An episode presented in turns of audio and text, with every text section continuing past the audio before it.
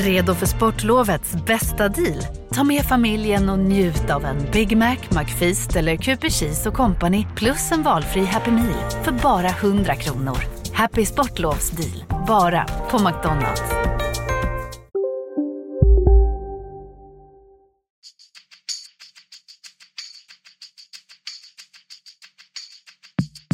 Skönt att komma ut och eh, bara lukta gräset. Så det, är, det är fotboll för mig. Nu är jag här och jag är väldigt glad att uh, kunna spela för det laget som jag har närmast om hjärtat. Om att skapa tro, om att tro på det vi gör, jobba vidare och vi ska vara ute där och ska vi leverera. Och det ska vi ju. Basta. Välkomna tillbaka till MFF-podden. Det här är avsnitt nummer 240. Jag heter Fredrik Hedenskog. Jag har sällskap av Max Wiman och Fredrik Lindstrand. Hej på er! Hallå! Hej hej! Max Hej, hej. Max såg ut som han tänkte på något annat. än- Ehm, idag ska vi framförallt prata om uh, Malmö FFs eh, insats mot Örebro. Jag ska vara eh, riktigt noga så var det ju två insatser eftersom det var två matcher. Men vi kommer i, till allra största del att prata om den första matchen.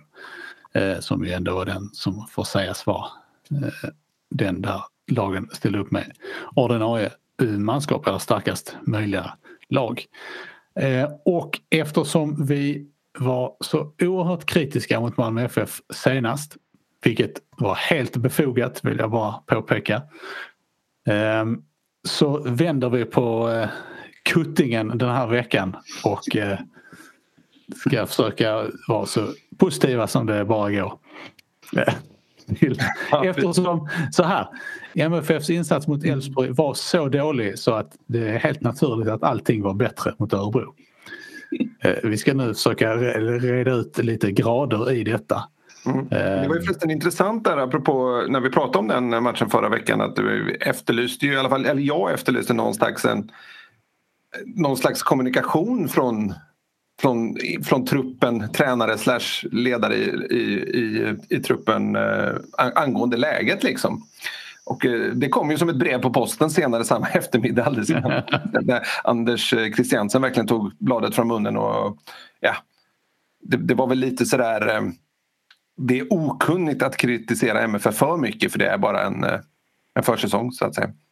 Och han hade väl sina poänger där tycker jag och det var ju bra att någon sa någonting men det kändes nästan som att klubben nog lite själva insett att vi, vi måste nog bemöta det här att vi inte spelar så bra och verkligen prata om det liksom.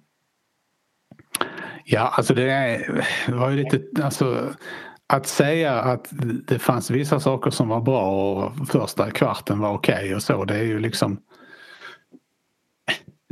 det kan man väl göra men, men det ekar mest tomt när Eh, helhetsintrycket och resten av matchen var så himla eh, dålig.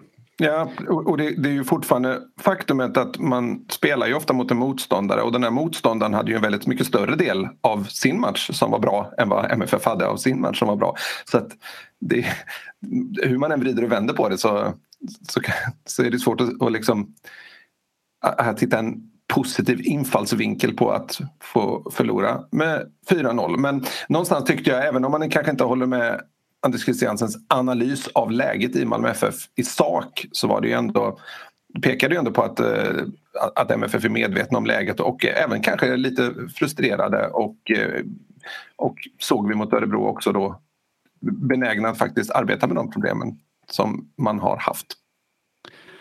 Precis, för det var ju som sagt mycket, för att inte säga allt, eh, som var bättre i matchen mot Örebro.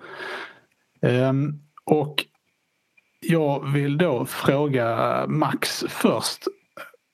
Ehm, ja, du får helt enkelt börja med en, en punkt som du tyckte där det märktes förbättring av Malmö FF. Eh, jo, nej, men det, det finns ju flera. Ska, ska man ta en av de mer självklara då så satte man ju faktiskt ett frisparksmål. Eh, en bra frispark, lurig frispark från Ylva Toivonen. Det är väl första sen Markus Rosenbergs tid nästan tror jag som har gått direkt i mål. AC kan ha haft någon. Men, eh, men eh, en bra och klurig frispark som gör utdelning är ju definitivt något positivt och det tror jag man behöver som lag också. Man känner liksom att man det funkar. Det var den typen av frispark som var när MFF gör den så är den bra. Hade MFF släppt in den så hade det varit en målvaktstavla. alltså det var ju lite... Det var nu, skulle, nu skulle vi vara positiva Fred. det var ju också en väldigt eh, delvis låg mur som Örebro en låg mur? Ja, alltså den, just, just där bollen gick var den väldigt låg. Den, den krympte liksom eh, i samband med tillslaget. Det var en lurig frispark eh, och det, är ofta liksom de där lite udda som kanske kan slinka in också. Det är alltid lurigt med en studs innan um, den, på det avståndet. Liksom. Och det är en frispark på mål, det är inte en frispark över eller utanför eller något annat utan den, den är där den ska vara. Då, då kan det bli mål eller bli en lurig retur i alla fall. Eh, jag skickar över ordet till dig Fredrik. Ja, vi fick ju tre specifika frågor vi skulle betala på. Svara. betala. betala för att få vara med i podden. Eh, det har jag börjat göra nu. Eh, jo, eh, vad var lite bättre till att börja med? Alltså, vad var en, Då tyckte jag den stora skillnaden förbättringen var attityden som jag var inne lite på här inne. Det, det, det syntes att MFF Eh, Eh, oavsett vad man sagt utåt då, eh, tog väldigt allvarligt på situationen att de inte var nöjda med alla förluster och, även, och, och liksom de, de har kanske velat påskina att det här är någon slags process de är inne men jag tror också de har insett att en del av den här processen har, har gått lite i fel riktning och det kändes som att man var lite tillbaka till grunderna. Man sprang mycket bättre i sin press och man man, man liksom grävde inte ner sig om saker i spelet inte stämde vilket inte gjorde efter det tidiga målet och man, man gjorde om lite grann i spelet och man hittade rätt under, under matcherna. Och eh, överlag en, en väldigt god arbetsinsats tyckte jag där man sprang och man kämpade för varandra och man gick in i duellerna. Där någonstans det är ju där någonstans man ofta måste börja när man är inne i en, en negativ eh, trend och det kändes som att MFF hade gjort det. Alltså just, just duellspelet det kändes ju som att det var ganska stor skillnad. De vann, vann mycket mer boll än vad de har gjort och i synnerhet då mot Elfsborg. Fick också med sig fler frisparkar från de duellerna kändes det som. Plus att eh, de vid ett antal tillfällen, eh, Erdal Rakip inte minst, ju, eh, täckte skott. Vilket man inte riktigt har sett eh, heller.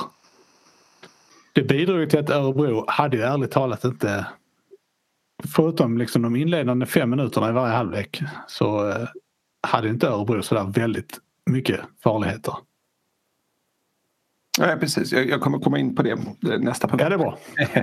men, äh, men jag tyckte också liksom att själva jag vet inte, det kändes som att det var en hungrigare kanske framförallt men det, det, man märker ju det att det, det, den här centrala positionerna är ju, är ju oerhört viktiga för MFF för att, att vinna bollarna där. Det är ju det är en sak att hitta rätt passningar offensivt när man kan vila med bollen offensivt så att säga. Där är ju MFF bra, det vet man ju. Liksom. Men någonstans som har behövt bevisa för sig själva att de kan eh, vinna de bollarna även lågt ner och, och inte, liksom bli, inte tappa boll i uppspelsfas och så vidare. Det, det tyckte jag var, det var liksom en, mer koncentration.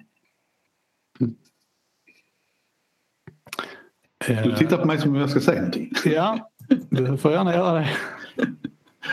Nej, men, men, bara för att komplettera det Fredrik sa först så tycker jag väl alltså att det kändes rent, eh, vad ska vi säga, spelmässigt.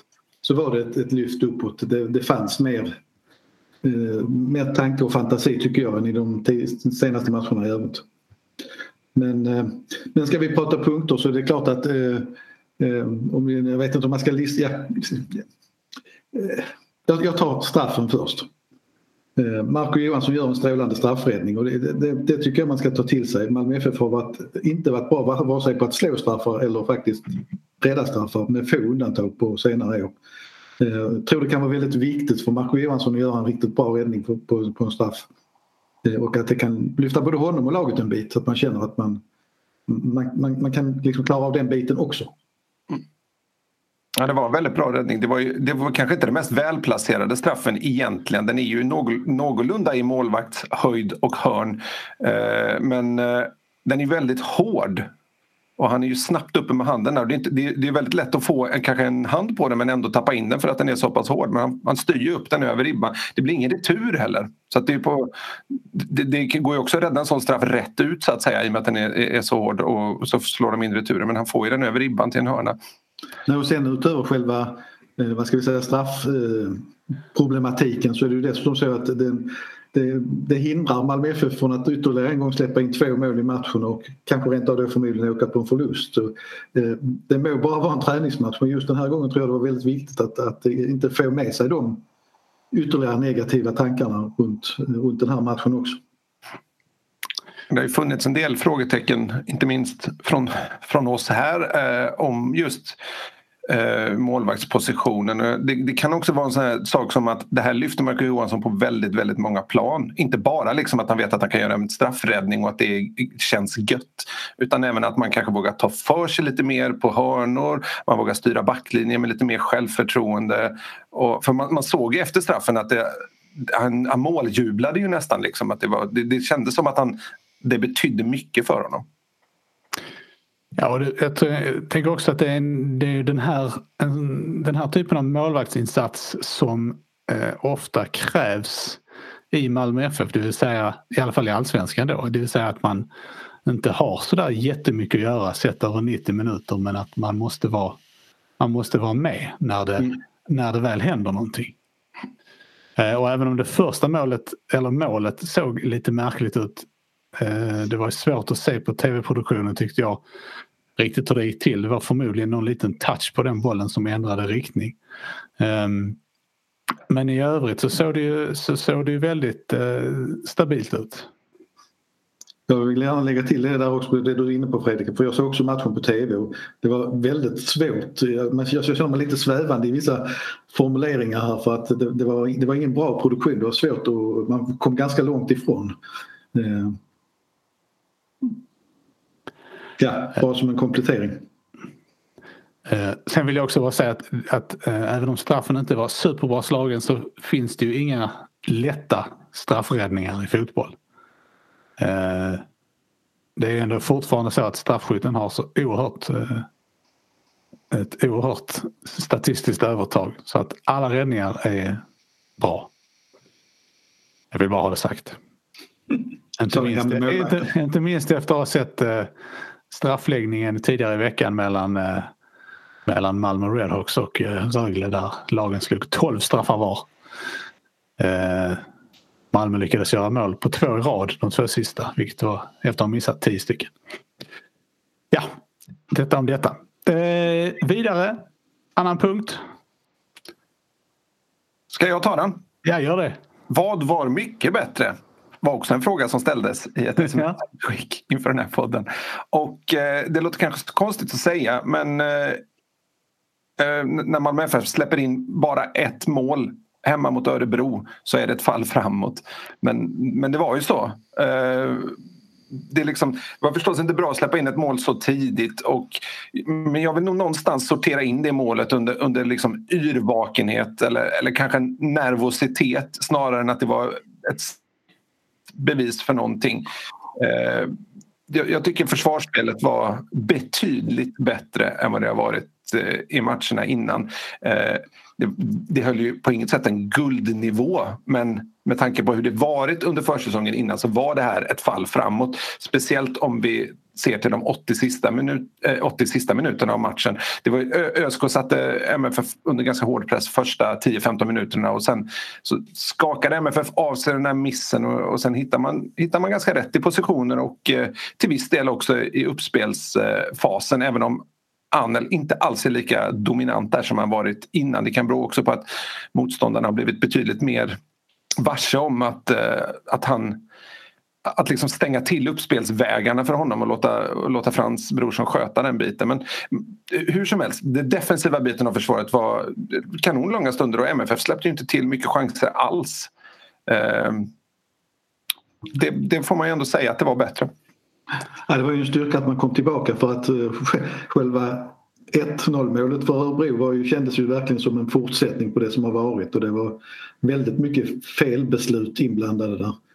Eh, men i övrigt kan jag bara hålla med att sen blev det ju bättre och bättre. Och, eh, kan väl känna, tycker jag, fortfarande att det finns en konkurrens vad det gäller högerbacksplatsen. Eh, att Felix Beijmo nu kan utmana Erik Larsson nu. En reflektion. Vi kan återkomma till den, till den diskussionen.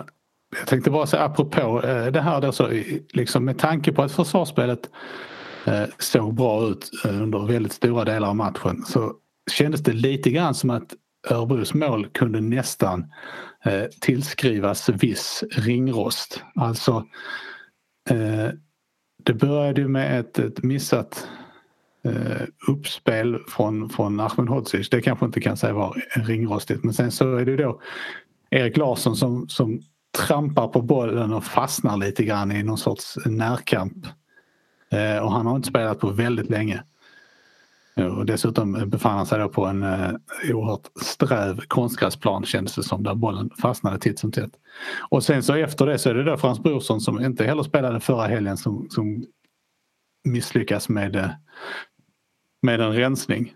Eh, och det känns lite grann som att hade den situationen eh, uppstått tio minuter senare så hade MFF liksom nog kunnat lösa båda, båda situationerna var för sig. Ja, Erik Larsson tar ju en liten onödig risk där och liksom försöker vad ska man säga, falla. Man får ju nio gånger av tio, kanske ännu mer än så, frispark där. Men eh, ja, nu blev det inte så. Och då, då är MFF rätt sårbart. Liksom. Det, det var en liten onödig risk av honom som sagt. Det kunde han struntat i. Ibland är det genom att skyffla iväg bollen uppåt. Inte för att bryta denna positiva trend som vi har nu men man måste ju påpeka liksom att det är ju en skör tråd trots allt eh, för att hade straffen gått in mot Marco eh, så hade Malmö förmodligen haft en ny förlust och vi hade liksom den här trenden eftersom fotboll ändå är resultatorienterat så hade eh, vi säkert diskuterat det här första målet ännu mer men nu kan man liksom släta över det med att det ändå blev en bra prestation och det ändå blev ett oavgjort resultat till slut. Så att, Ja, men det, är, det är ändå fascinerande att man, att, att man, man får sätta det i perspektiv att vi pratar ändå om de regerande svenska mästarna med en överlägset största allsvenska budgeten på spelartruppen. och man liksom, som också är ute och säger att nu, nu börjar resultatjakten här inför säsongen. Nu ska det sitta, nu ska segrarna komma. Så, så, så får man beröm efter 1-1 hemma mot Örebro. Det, är ju, det, det, det pekar ändå någonstans på att försäsongen inte har gått riktigt rätt. Liksom.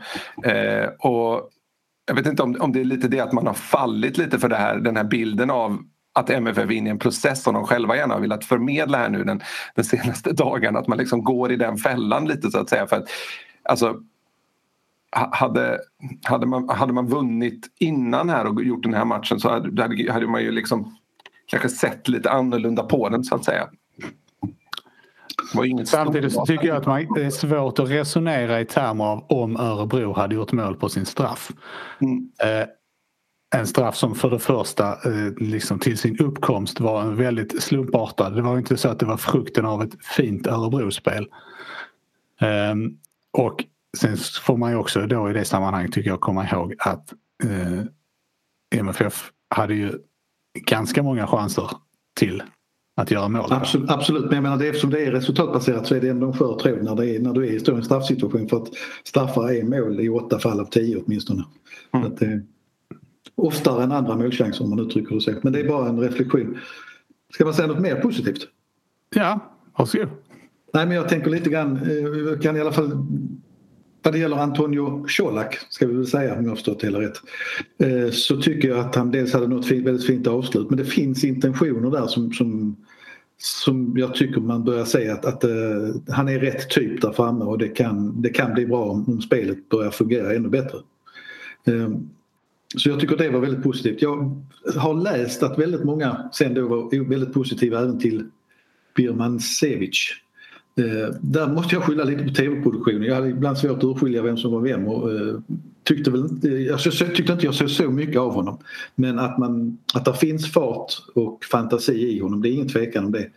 Där kan det väl kanske ta längre tid eftersom det är en ny spelartyp som Malmö inte har haft på ett tag att lära sig spela med honom. Eh, där skulle man väl kanske eh, möjligen då kunna gå över till den, till den tredje frågeställningen eh, som ni fick, det vill säga vad kommer att bli bättre? För det kändes ju som att eh, alltså de offensiva kantspelarna, då Burmancevic och eh, Jo Inge Berget som det var eh, till största delen i den här matchen. Där känns det som att eh, de bidrog visserligen men det var ganska stötvis. Och där finns mer att ta av kändes det som. Vad tycker ni om, eh, vad säger ni om detta påståendet? Ja, men det kan jag hålla med om att det kan bli bättre. Jag tycker det är en intressant aspekt också att man pratar mycket om att MFF inte har värvat in någon vänsterback eh, bakom eh, eh, Jonas Knutsen och det är ju ett potentiellt eh, problem även om man då tycker att både Beijmo och Erik Larsson och Mubarak nog kan fylla de skorna i enskilda matcher då. Det är bara för, bara för MFF att hoppas att Knutsen inte går, går sönder någon längre period för då kan det bli lite struligt. Eh, men Vingen tycker jag inte är jättestor konkurrens om heller. Eh, både Sarr och Nalic, det har ju varit ganska tydligt att de konkurrerar om eh, båda två om nian och i Nalics fall även om tian. Eh, men bakom Jo Inge Berget det är det inte så där våldsamt konkurrenssituationen. Det är möjligt att han också skulle behöva någon slags blåslampa där. Eh, jag tycker fortfarande inte känner igen den här riviga spelaren. Han har säkert en nivå i sig men det gäller ju att den måste ju komma fram också. Och den kanske hade liksom lyfts ytterligare av, av lite hårdare konkurrens på den platsen. För till vänster ser det ju lite annorlunda ut. Där har vi ju eh, Birmancevic och Rex och Nanasi som gör upp. Jag vill kasta in Mubarak nu som en eh, spännande outsider på högerkanten. Han eh, gjorde ett bra, en bra insats i den mer B-betonade matchen om man uttrycker det så. Eh, han har gjort ett par fina mål också. Jag tror att eh, det är en sån där spelare som antingen så händer inte så mycket eller så blir det, kan det bli en liten explosion under året. Alltså, sen är det inte, inte någon given startspelare på något sätt men kanske kan bli lite blåslampa på berget. Mm. En, en, en bris.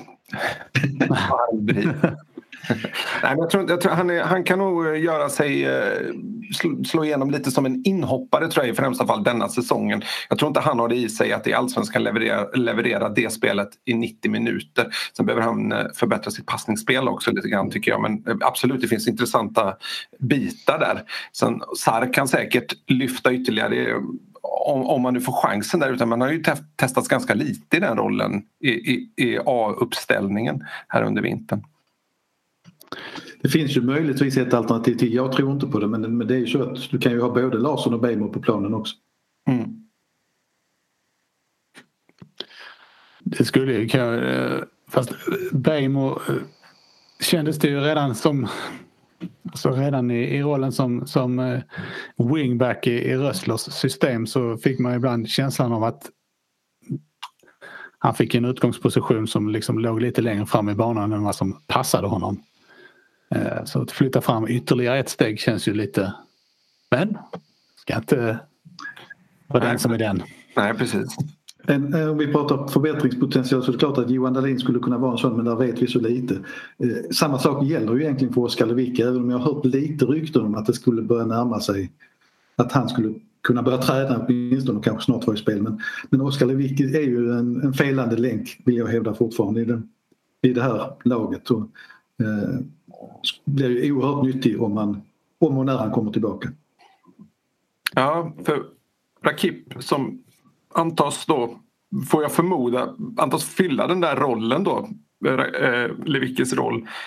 Eh, det är liksom, eh, han har varit, haft en ganska ojämn försäsong får man ju ändå säga. att han ibland, I vissa, vissa delar av matcherna kan han vara förträfflig i den rollen och bryta och, och vinna boll och sätta fart på bollen i, efter han återerövrat den på ett sätt som, som man sällan ser Lewicki göra. Eh, alltså, Rakip har ju liksom, ska man säga, en väldigt hög högsta nivå i sitt spel och är ganska mångsidig som mittfältare. Betydligt mer mångsidig än vad Lewicki är. Men det är bara att Lewickis eh, lägstanivå är betydligt högre i de defensiva momenten. Inte så konstigt, han är ju en av de bästa defensiva mittfältarna i serien. Men det är just det som MFF har saknat under försäsongen, den här trygga jämnheten. Att man inte går ner under perioder och, och gör misstag och sådär. Det var, det var ju liksom Rakip blandade och gav rätt mycket mot Örebro. Det är, det är ju inte fler blanda och ge spelare som MFF behöver just nu utan behöver man de här trygga som inte gör några misstag. Liksom. Det är ganska tydligt att MFFs spelsystem är, är behov av den lugna personen som, som inte slår bort några bollar. Liksom. I eh, tidigare matcher så har, har ju både Anders Christiansen och Ola Toivonen som ändå eh, liksom får sägas vara eh, de två eh, som, som, som ska bära offensiven i första hand fått eh, motiverad kritik eh, av olika slag. Um, och jag läste i, i, i kommentarerna på Sydsvenskan eh, under, under matchen mot Örebro då att, att det var fortsatt ganska mycket gnäll på de två. Eh, vilket just i den här matchen Eh, var lite svårt för mig att förstå för att jag tyckte att även om de inte nådde upp i, i några eh, skyhöga nivåer så kändes det ändå som att båda två eh, var betydligt mer eh, fokuserade och delaktiga på rätt sätt än vad de har varit tidigare. Kanske många supportrar sätter kaffet i, halsen när vi som betraktas som väldigt, eller i alla fall har betraktats som väldigt gnälliga under den här, här försäsongen eh, gnäller över att supportrarna gnäller på spelarna. borde gnälla.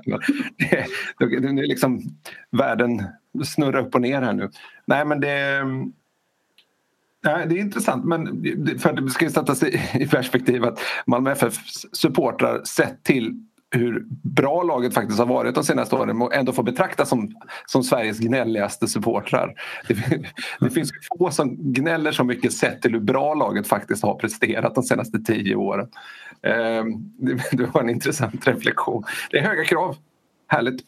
Jag tyckte ja. också, jag tyckte också att eh, kanske framförallt Ola Toivonen fungerade bättre. Kan man, kan man, kan man um Eh, liksom, vad ska man säga, kan man gräva lite djupare där? Vad beror det på?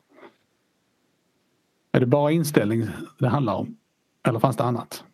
Jag tror det börjar med en inställning. Jag tror det, det liksom, han är så inte så att han hade fått några nya direktiv om han ska röra, hur han ska röra sig. Han är ju så pass rutinerad att han vet vad han ska stå och vad han ska göra. Jag tror att det, finns, jag tror att det har med skärpan att göra. Och såklart att han har fått några extra träningar ihop med Colak eh, det är ju trots allt ny, 50 ny uppställning där uppe med Birman eh, Sevic och, och Colak. Så där, eh, det, det är tror, två steg. Jag tror det är en självklar förbättringspotential där också. Alltså att både AC och Toivonen kommer ju att komma igång mer och mer, det är jag övertygad om.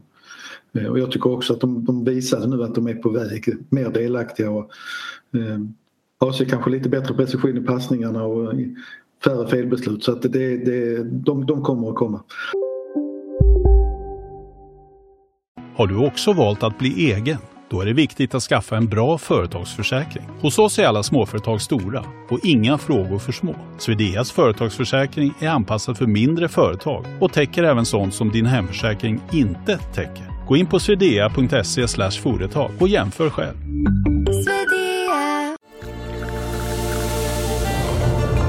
Välkommen till Maccafé på utvalda McDonalds restauranger med Baristakaffe till rimligt pris. Vad sägs om en latte eller cappuccino för bara 35 kronor? Alltid gjorda av våra utbildade baristor.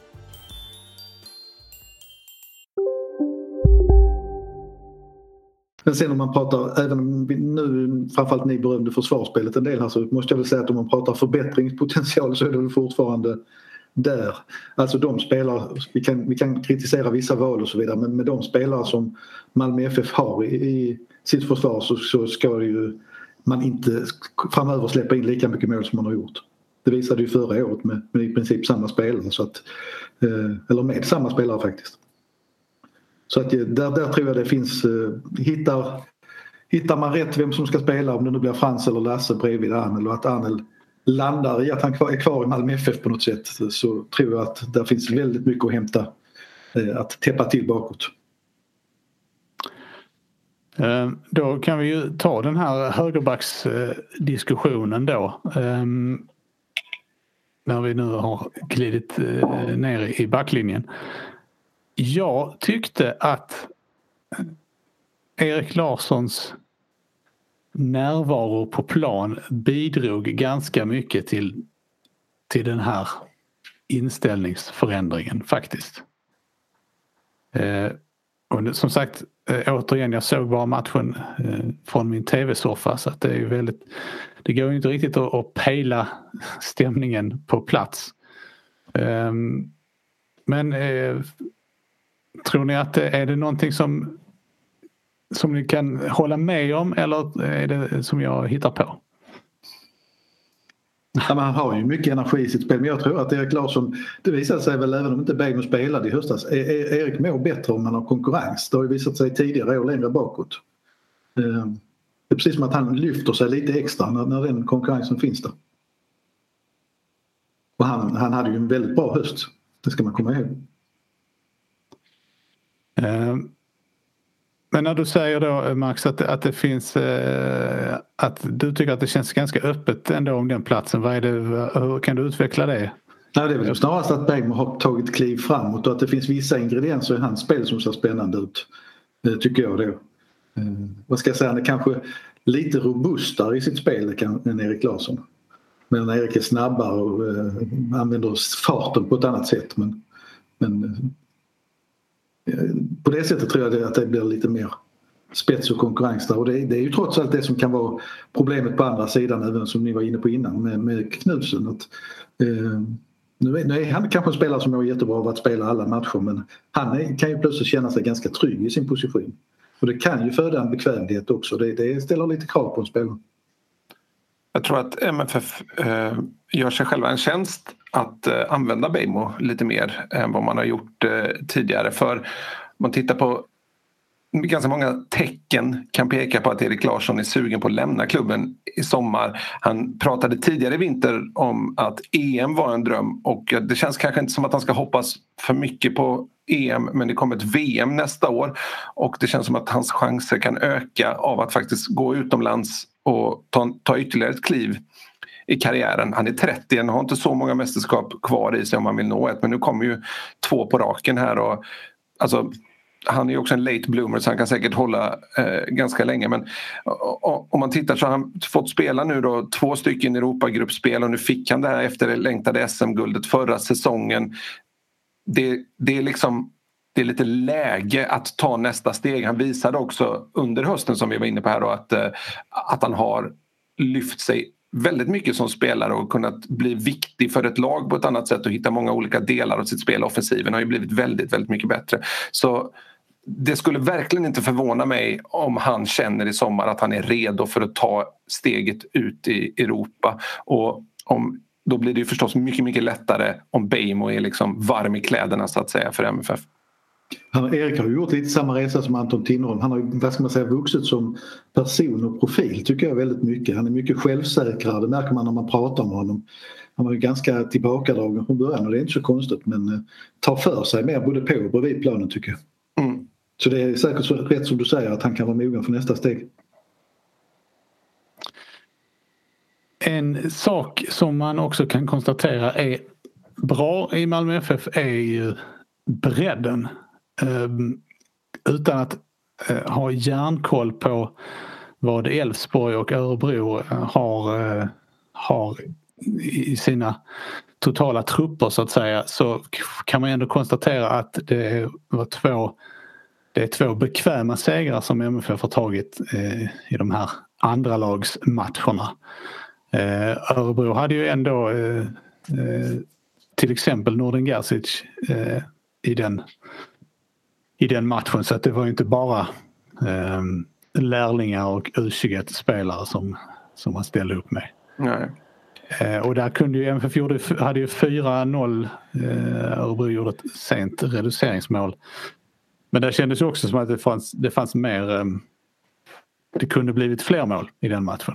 Ja, det är ju en förändring mot tidigare år. Framförallt för Malmö FF har ganska länge haft problem med att få spelare att prestera i, om vi ska kalla det B-laget eller U21.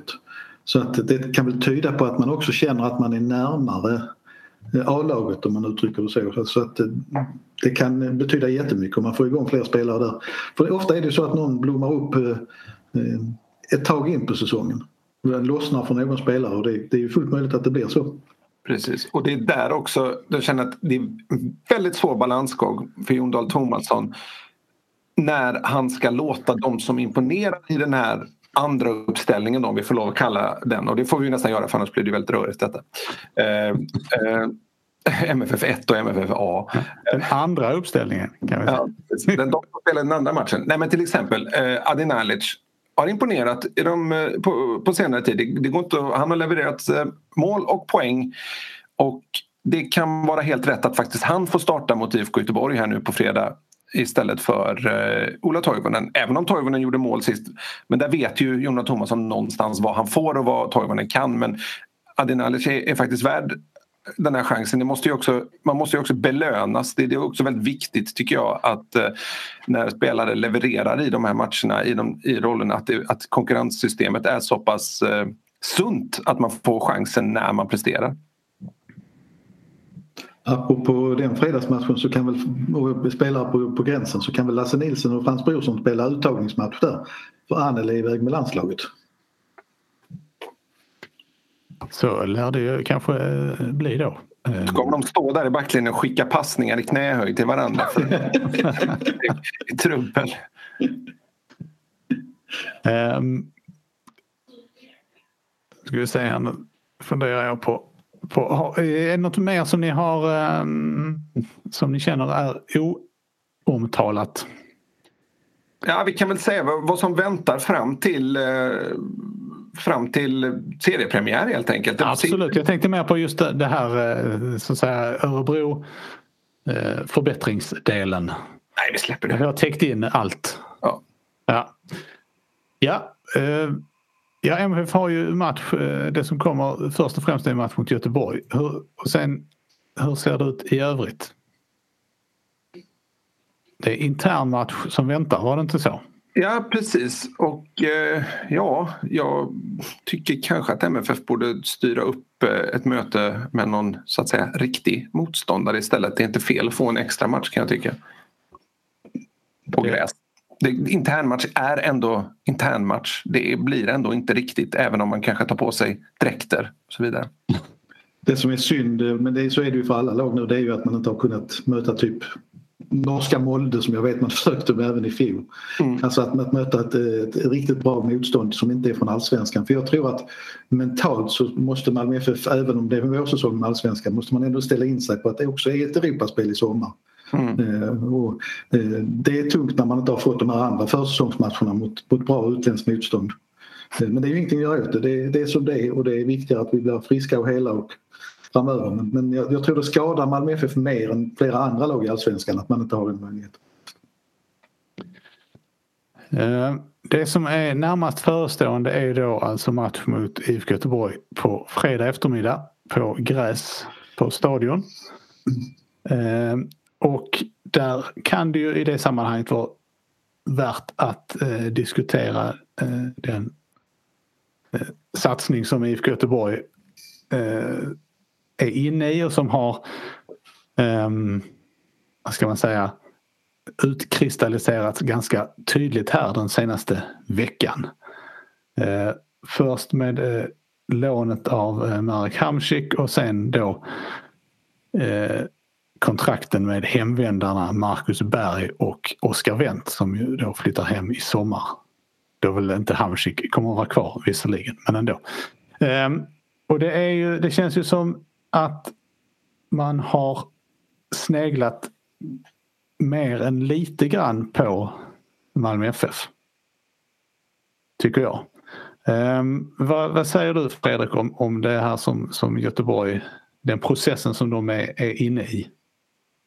Jag vet inte riktigt om de har sneglat så mycket på Malmö FF. De har väl förstås noterat att Malmö FF har gått bra och fått hem en del profiler men eh, IFK Göteborg har ju också fått hem en del profiler de senaste åren. Det är väl, det är väl bara att de inte har haft en fungerande miljö att komma hem till. Alltså Gustav Svensson har ju varit tillbaka, Jakob Johansson har varit tillbaka, Bjärsmyr har varit tillbaka i flera omgångar känns det som och Tobias Hysén innan det vände ju hem även om inte han var borta sådär allt för länge. Så att just eh, kulturbärare som är i klubben och så det har de ju faktiskt haft. Det som jag tror att IFK Göteborg framförallt sneglar på MFF med är ju hur man hittar rätt med talanger och så vidare. IFK Göteborg har ju inte riktigt eh, de har inte kunnat fylla sin elva på samma sätt med, med det är inte så att de har gått in i ett Champions League-gruppspel med halva startelvan från de egna leden direkt. Det är väl framförallt den biten tror jag som IFK Göteborg eh, sneglar på MFF eh, för och det är väl den biten som man tänker att Pontus Farnerud som är sportchef där har ändå varit själv i klubbar med väldigt starka ungdomsorganisationer. Eh, eller akademier som det heter utomlands och i Sverige. Ehm, det är väl framförallt den biten som IFK Göteborg lite avundsjukt kan snegla på MFF. De behöver ju också sälja en Mattias Svanberg och en Anel Ahmedhodzic för att liksom kunna hitta en tryggare ekonomisk grund och, och växa därifrån. Och de här hemvändarna som har kommit i år nu, i alla fall om vi tittar på Wendt Berg och så förra året då Wernbloom, de, de, har väl alltid varit ganska öppna med att de kommer vända hem till Blåvitt en dag. På något sätt har det alltid funnits ganska stora likheter mellan Malmö FF och Göteborg hur man har jobbat och man har, Göteborg har väl också varit ganska duktiga på att hålla kontakten med sina spelare ute i Europa. Eh, ja, en reflektion bara är att jag tror att eh, tränarskapet kan ha en viss betydelse också nu. Eh, att Roland, Andersson, äh, Roland Nilsson är, är ny tränare sen förra sommaren eller hösten eller vad det var. Eh, som säkert har en del kontakter bakåt och är ett respekterat namn. Eh, som har väldigt tydliga idéer om vad han vill. Eh, jag kan tänka mig att det kan locka de här spelarna också. Det, det, det är ett namn de känner till väl. Är det... Eh, alltså inte de enskilda spelarna men hela satsningen om jag ska uttrycka det så att den får en skjuts av att det är mer spännande för dem kanske än en ung oprövad tränare som, som Göteborg hade tidigare. Ska man, man kan vända också på det. Man är liksom på Asperger och som var senast får liksom IFK Göteborg ska satsa med honom då så är det liksom ja, du får plocka upp ungdomar från de egna leden eller så värvar man hem någon person sen så kommer Roland Nilsson då får han liksom hem Berg, han får vänta på Wernbloom, alltså liksom, han får Aiesh, han får så vidare. Nu kommer Aiesh tidigare då men det är liksom det finns han, det är, det, han har lite mer av ett dukat bord får man säga. Han. Ja, men, det, men det är egentligen det jag menar att det kanske finns en annan power i honom också att, att eh, som gammal profil dessutom som spelare i klubben att, att ställa högre krav när han kommer in i en krissituation dessutom. Alltså det, det, det, det kan vara en fördel på det sättet. Tycker... Sen är jag ju fortfarande överraskad var de skakar fram pengarna men det, det, på något sätt har de ju uppenbarligen löst det. Ja, ja, det är spännande att hitta lösningarna. Det är ju det är ju inga övergångssummor för någon av spelarna de har värvat eh, egentligen men, men som sagt det ska ju vara sign-ons och det ska vara lön och så vidare. Det tror jag de har fått extern hjälp i ganska stor utsträckning av. Det, det finns ju trots allt ganska många som vill att IFK Göteborg ska bli bra igen och de har ju en, en, stark ställning i stan fortfarande även om den inte är vad, vad den har varit så att säga. Eh, men de hoppas väl att den ska bli det igen. Ett nyförvärv som eh, kanske har varit det allra främsta vilket man ju inte är så svårt med tanke på att många av de här nyförvärven inte ens har spelat än och inte kommer göra det på ett bra tag heller. Berg och Wendt kommer inte förrän till sommaren. Men det är Simon Tern som har sett pigg ut under försäsongen och som jag tror kommer bli, ja, jag skulle inte förvåna mig om, om, när vi summerar den här säsongen om att han faktiskt har varit det ny, nyförvärvet i IFK Göteborg som har, har gått bäst. Jag tror att han eh, är precis vad de behöver. Det är en spelare som inte är rädd för att spela i en klubb med krav. Eh, han har ju varit i några allsvenska klubbar och sådär. Just med tanke på de här klubbytena och vad det innebär i form av liksom hets från supportrar och sådär så är han liksom inte rädd för pressen så att säga. Jag tror att han kan bli nyttig för Göteborg i den aspekten. Det känns som att de kan ha värvat några spelare på senare år, senare år som har varit lite, lite nöjda över att spela i IFK Göteborg. Känt att nu har jag kommit till IFK Göteborg. Häftigt! Det här är liksom nu har jag lyckats. Och sen är de inte villiga att ta det därifrån så att säga. Där tror jag Simon Thern blir nyttig för IFK Göteborg. Och eh, av alla de här personerna vi har nämnt så är väl han den, den enda nästan som kommer spela mot, mot Malmö FF på fredag. Troligen i alla fall. Det är en helt annan diskussion och vi ska inte ta den nu kanske men det, jag tror det kommer att bli en, en debatt och en analys och en granskning kring eh, alla dessa värvningar som sker i allsvenskan med tanke på det stora statliga stöd som idrotten har tagit emot under coronapandemin. Det, det är faktiskt ganska anmärkningsvärt vilka satsningar som görs i tider då det eh, av förklarliga skäl inte finns de här pengarna i, i idrotten i sig själv. Och, eh, jag, jag tror det kommer att bli en etisk debatt runt detta men det kan vi ta en annan gång. Ja, det kan också bli en konkret ekonomisk. Jag, nu, nu tappar jag var, var någonstans det var men det har ju ändå varit fall där idrottsklubbar faktiskt behöver betala tillbaka till staten eh, ute i Europa. Ja. Jag tror ja. att den debatten kommer att komma här också men det, mm. det kanske dröjer ett tag. Man ska ju ändå komma ihåg det att eh, det spelar ju ingen roll egentligen hur stort klubbhjärta spelarna har. Eh, de spelar ju inte gratis. Lika Nej. lite som Marcus Rosenberg spelade gratis i Malmö FF. Nej, och lika, alltså, Malmö har ju betalat stora pengar för något av sina nyförvärv men även om Göteborg har tagit kontraktslösa spelare så är det spelare som får stora sign-on-bonusar och så vidare. Eh, och definitivt ökar på lönekontot eh, i klubben och det kan man ju fundera kring eh, hur det är möjligt om man samtidigt tar emot ett stort statligt stöd.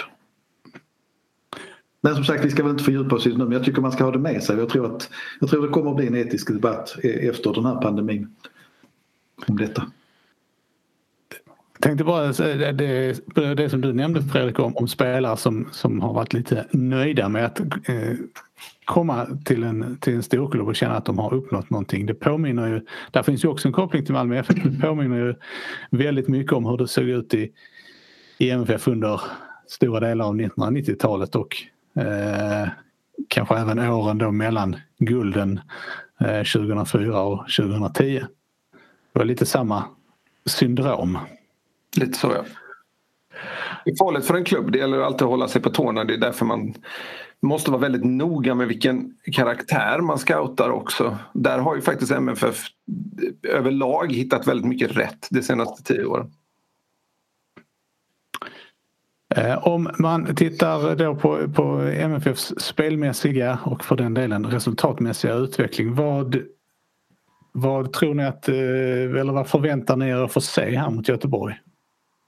Det ska bli spännande att se om MFF kan dominera bollinnehavet lite mer eh, liksom styra anfallsspelet på ett mer metodiskt sätt när man går över på hybridgräs.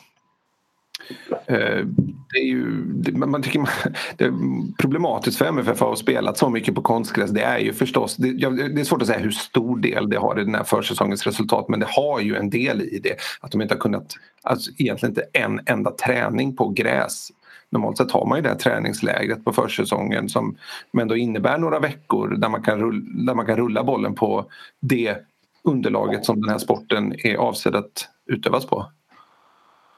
Jag tror det kommer bli en mer tävlingslik match på något sätt. Dels för att det är två rivaler och just för att det är på, inne på stadion på riktigt gräs. Eller hybridgräset då. Ehm, så jag, jag, tror att det kommer, jag tror faktiskt vi kommer få en hel del svar på fredag, det känns så. När kommer första krampkänningen? 65? På någon av nyförvärven skulle jag misstänka det kanske. Men det är ju faktiskt eh, en väldigt, väldigt viktig match ska man säga. Det, liksom, hade ju, det kommer ju bli plågsamt för Malmö FF om man går in på det här konstgräset och, eller vad säger jag, på det här eh, hybridgräset då, eller gräset kan vi väl bara säga. Och, och, gör, och liksom går, tar ett steg tillbaka prestationmässigt igen.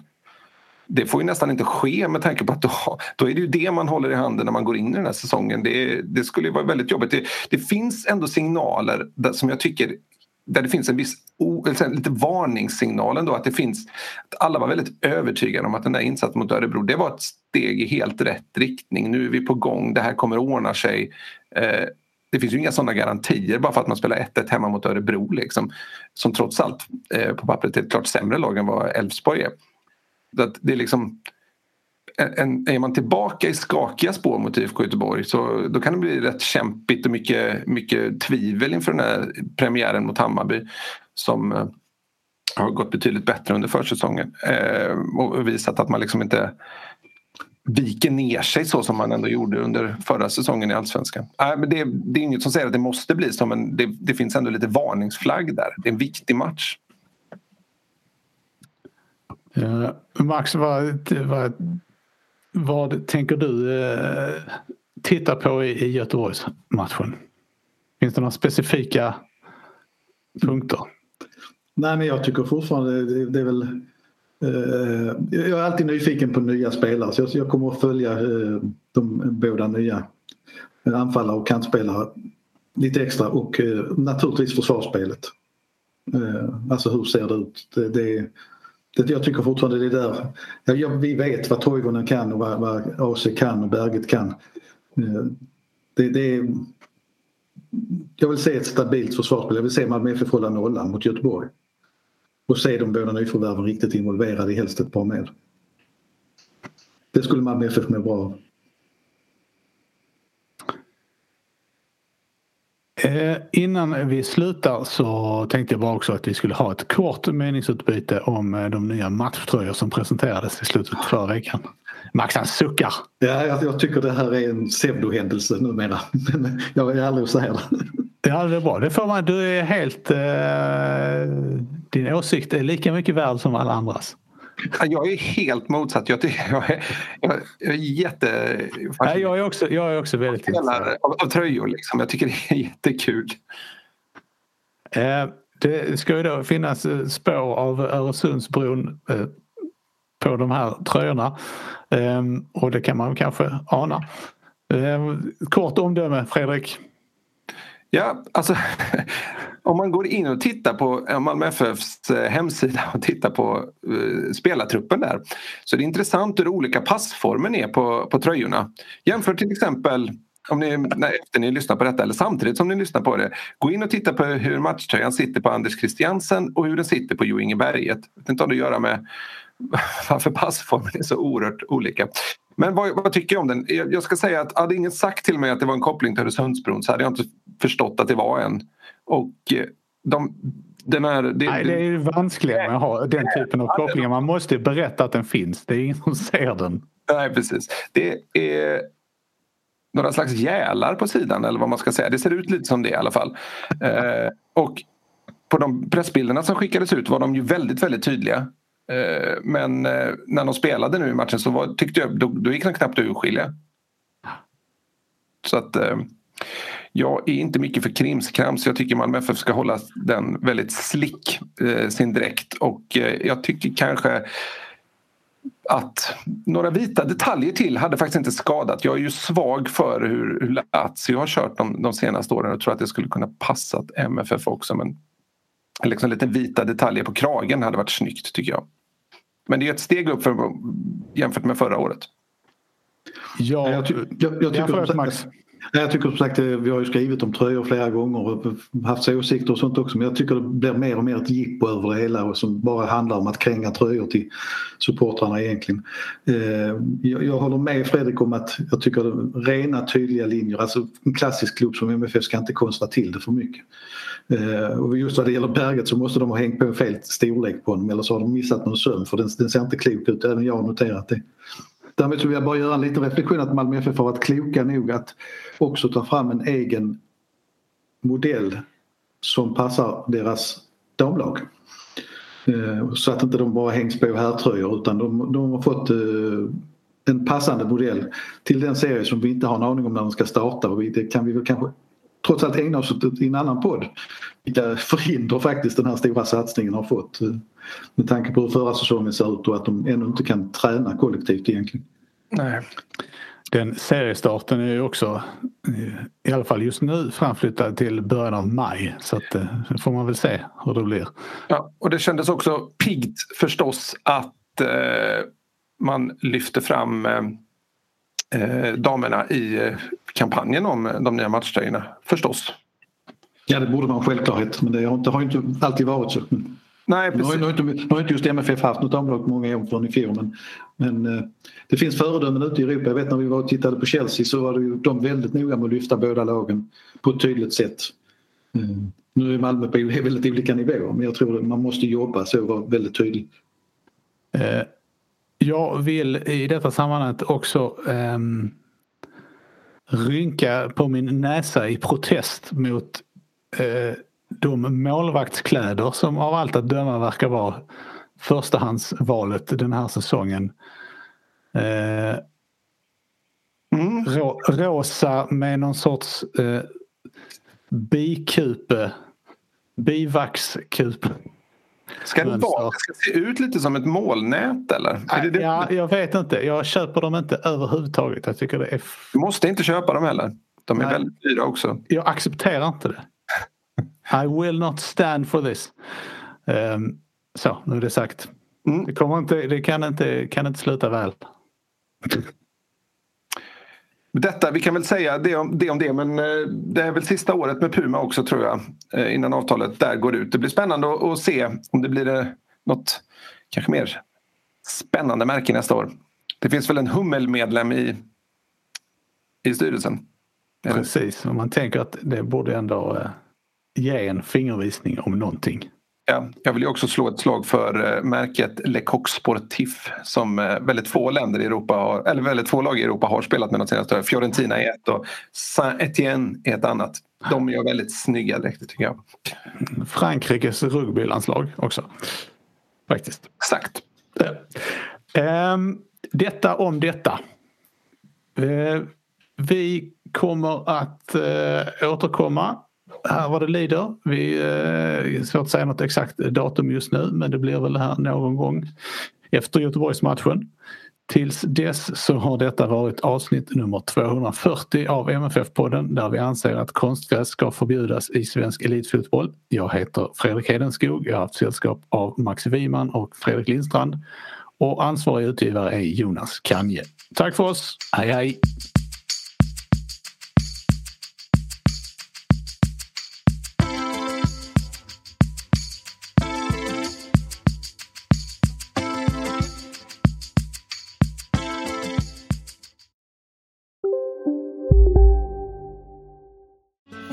Susanne Axel här. När du gör som jag och listar dig på en av Krys vårdcentraler får du en fast läkarkontakt som kan din sjukdomshistoria. Du får träffa erfarna specialister, tillgång till lättakuten och så kan du chatta med vårdpersonalen. Så gör ditt viktigaste val idag, lista dig hos Kry. Ni är med om det största. Och det största är den minsta. Ni minns de första ögonblicken. Och den där blicken gör er starkare. Så starka att ni är ömtåliga. Men hittar trygghet i Sveriges populäraste barnförsäkring. Trygg Hansa. Trygghet för livet.